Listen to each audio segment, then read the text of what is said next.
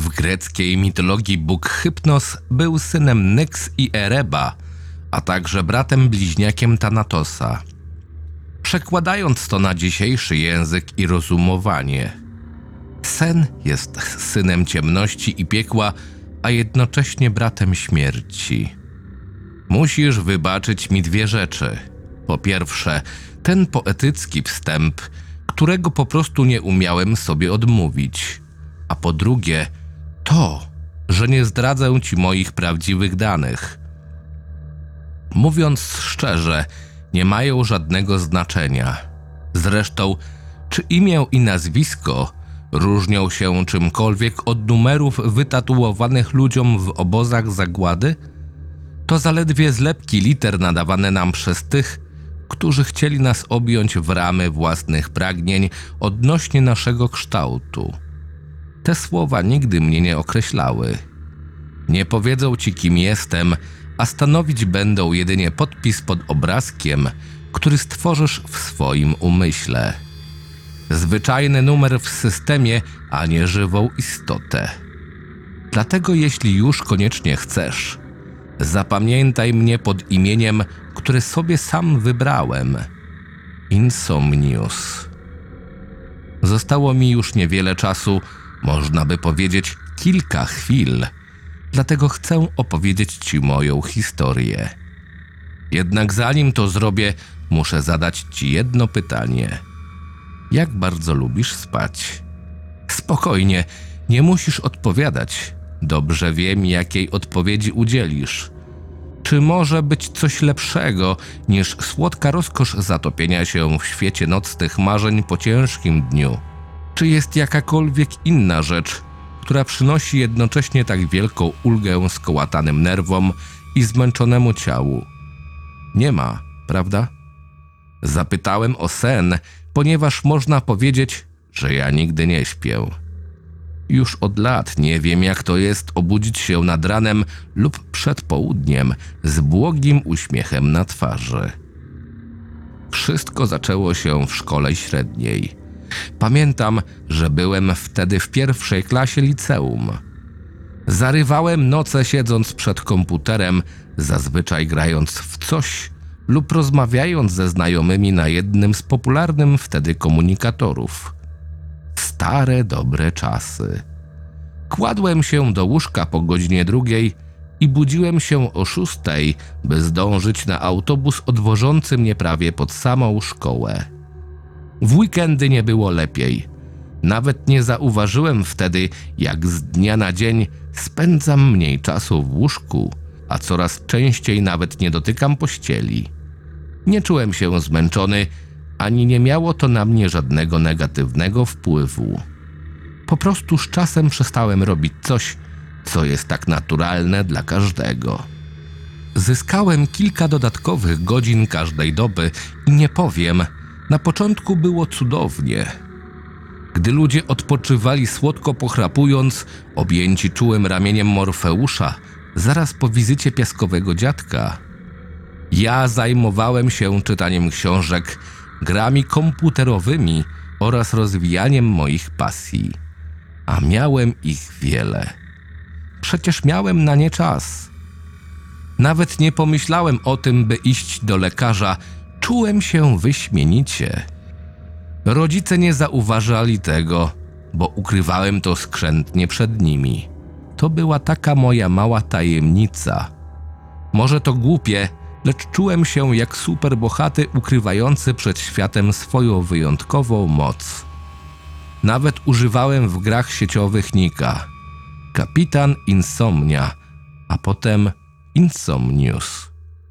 Teraz już wiem, że to nie magiczna zdolność, ale klątwa, którą rzucił na mnie mściwy władca snu za gardzenie jego darem. Mówiłem, że praktycznie nie śpię, jednak jest taki czas, gdy tracę przytomność na kilkadziesiąt minut, dokładnie co sześć dni. Trudno to nazwać snem, prawda? To bardziej stan śmierci klinicznej. Jednak tutaj muszę zdradzić ci sekret.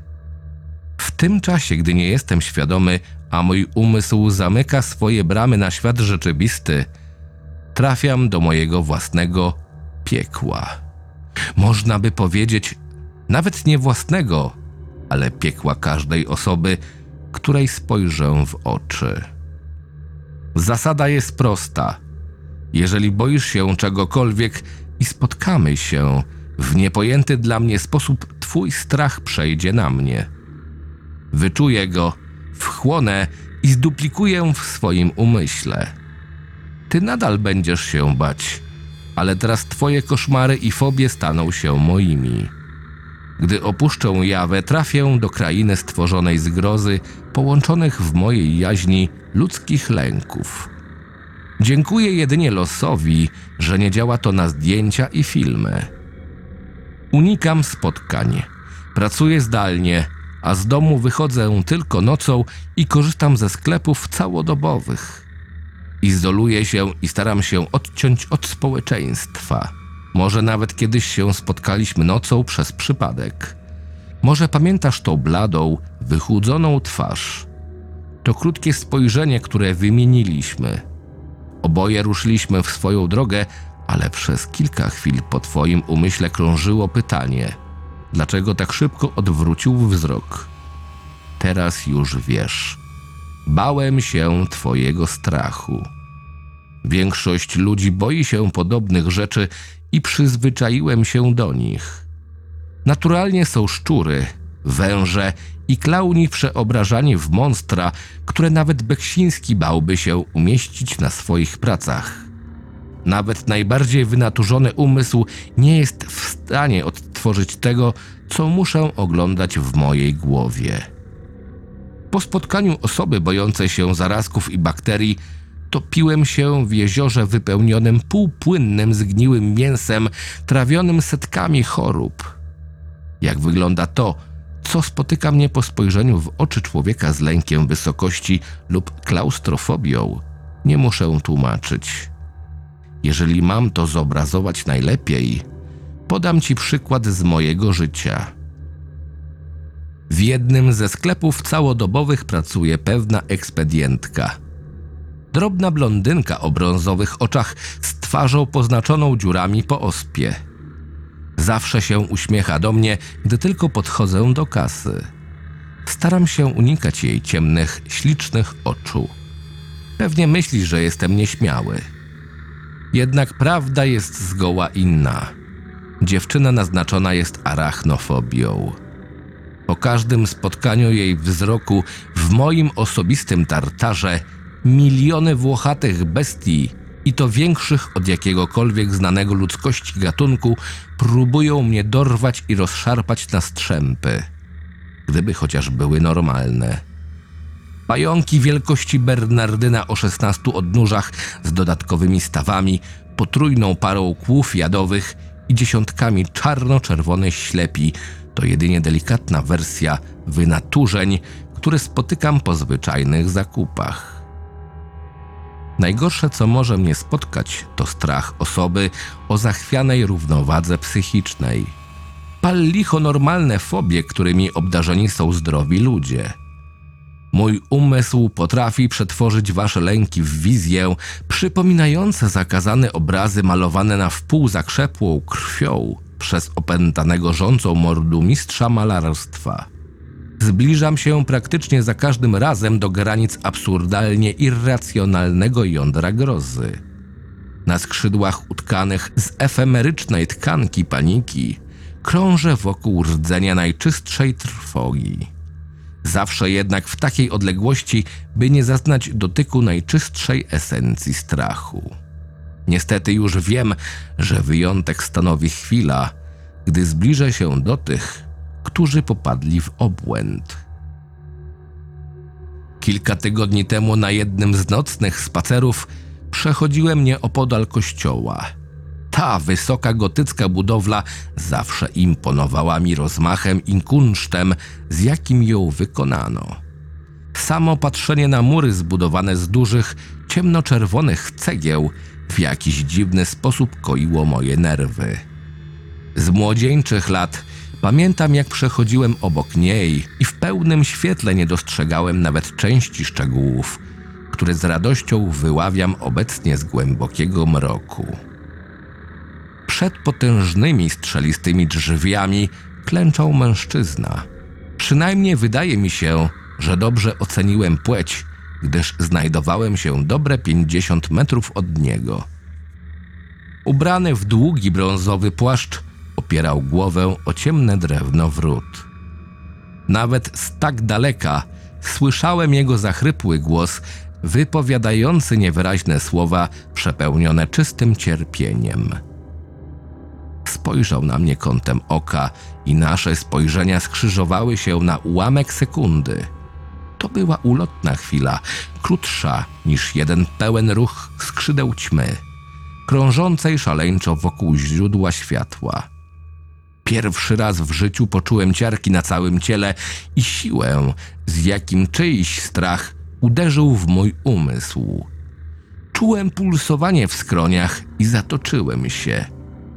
Spędziłem godzinę próbując wrócić do mojego mieszkania, ponieważ nie mogłem skupić się w żaden sposób.